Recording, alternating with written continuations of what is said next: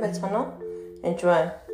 За ингээд шүм сүм чуулганы тухай ярихаасаа эхлээд яг дотоод цэвэрлэг өөрийнхөө тухай үргэлжлүүлэн ярих гэж бас бодож байна. Энд бол хамгийн түрүүнд хийх ёстой цэвэрлэгнүүдийн бас үйл уучлал, уучлалын дараа бол яг харахгүй өвдөцтэй холбоотой хараалуудын тухай асуудал байна.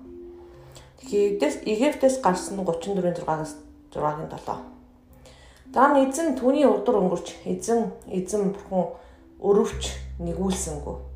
Тэгээд энэ хоёр удаа эзэмжсэн байгаа. Бурхан өрөвч нэгүүлсэнгүү.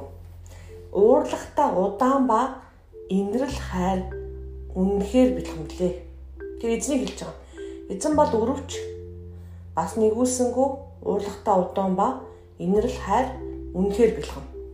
Тэгэхээр зарим хүн аавч юм болохоо хичнээл хичнээн хашгирч болно гэж ярьдаг хүн байдаг лээ. Тийм биш.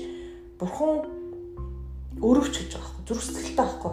Бурхан биднийг дүр төрхөөр бүтээсэн. Тийм учраас үр хөвгчн тань руу орлоод байвал сайхан байх уу? Сайхан биш шүү дээ. Тийм учраас Бурханыг бас эмээхээс гадна Бурханыг хайрлж хүндлэх хэрэгтэй.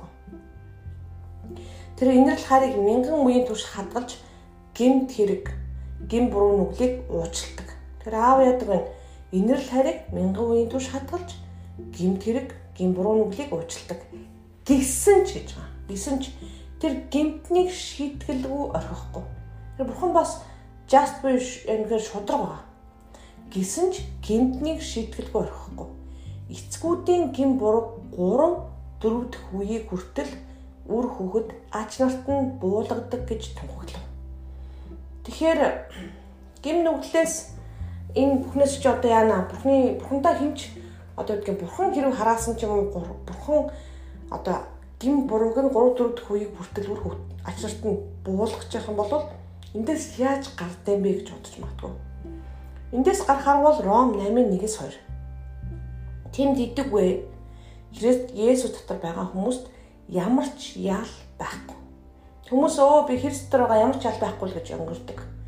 Гэхдээ асуулт нь та Христ Есүс дотор байгаа юу? Христ Есүс дотор байгаа эсгийг мэдхэд амархан үр жимсээр нь ялгав. Та ус үзэн модонд холбогтой бол үр жимс гарна. Холбоогүй бол доошо хаягдсан гэсэн үг. Танаас үр жимстэй юм шиг харагдавч яг өндөө үр жимсгүй. Христ Есүс дотор байгаа хүмүүс амар амгалан амар тайван байдаг. Христ Есүс дотор байгаа хүмүүст ямар ч ял байхгүй. Тэр эндээс гарахын тулд, ялаас гарахын тулд, 3 дахь 4 дахь үеийн хараалаас гарахын тулд Христ рүү орох хэрэгтэй. Христ рүү орохын тулд Христийг хайх хэрэгтэй. Учир нь Христ Есүс дор амийн сүнсний хууль нь чамайг нүглийн болон үхлийн хуулиас чөлөөсөн. Тэр Христ Есүс доторх амийн сүнсний хууль нь чамайг нүглийн болон үхлийн хуулиас чөлөөсөн. Тэгэхээр энд эхний ээлжинд сайн мэдээнд итгэх тухай ярьж байгаа. Тэгэхээр ерөөсөө Иесус Христийг аврагч эзэн болгож, хувийн аврагч эзэн болгож хүлээн зөвшөөрсөн хүмүүс гим шитгэл байхгүй гэж байгаа боловч амийн сүнсний хууль гэж байгаа байхгүй. Тэр нь Христ доторх амийн сүнсний хууль гэж байгаа. Тэр нь ямар хуулийн тухай ярьж байгаа юм гэхээр та шин бүтээл болсон гэдэг хууль.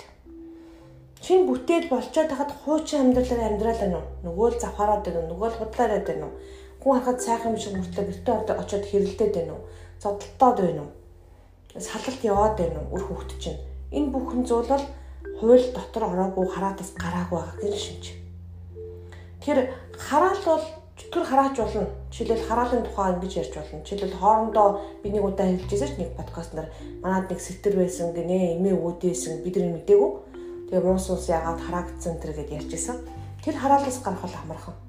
Христ төр ямар ч хараал байхгүй байхгүй. Иесус эзэн өдөр бутар сүнсээс хараагдсан тэр бүх хараалыг тасалж байна. Бутар сүнстэй байгуулсан гэдгийг хэрэгцлийг няцалж байна.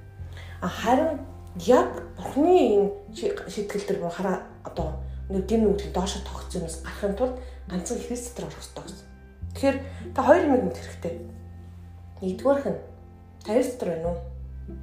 А нөгөөх нь үнэхээр бутар сүнсээс ирсэн хараалууд байна уу? Жишээлбэл юу вэ гэхээр бид нар гин нүглээсээ унаад ингээд буруу дахиж удаан шүтээд эсвэл янз бүрийн юмтай гэрээ хэлцэр хийгээд тэгэх юм бол гимших хэрэгтэй.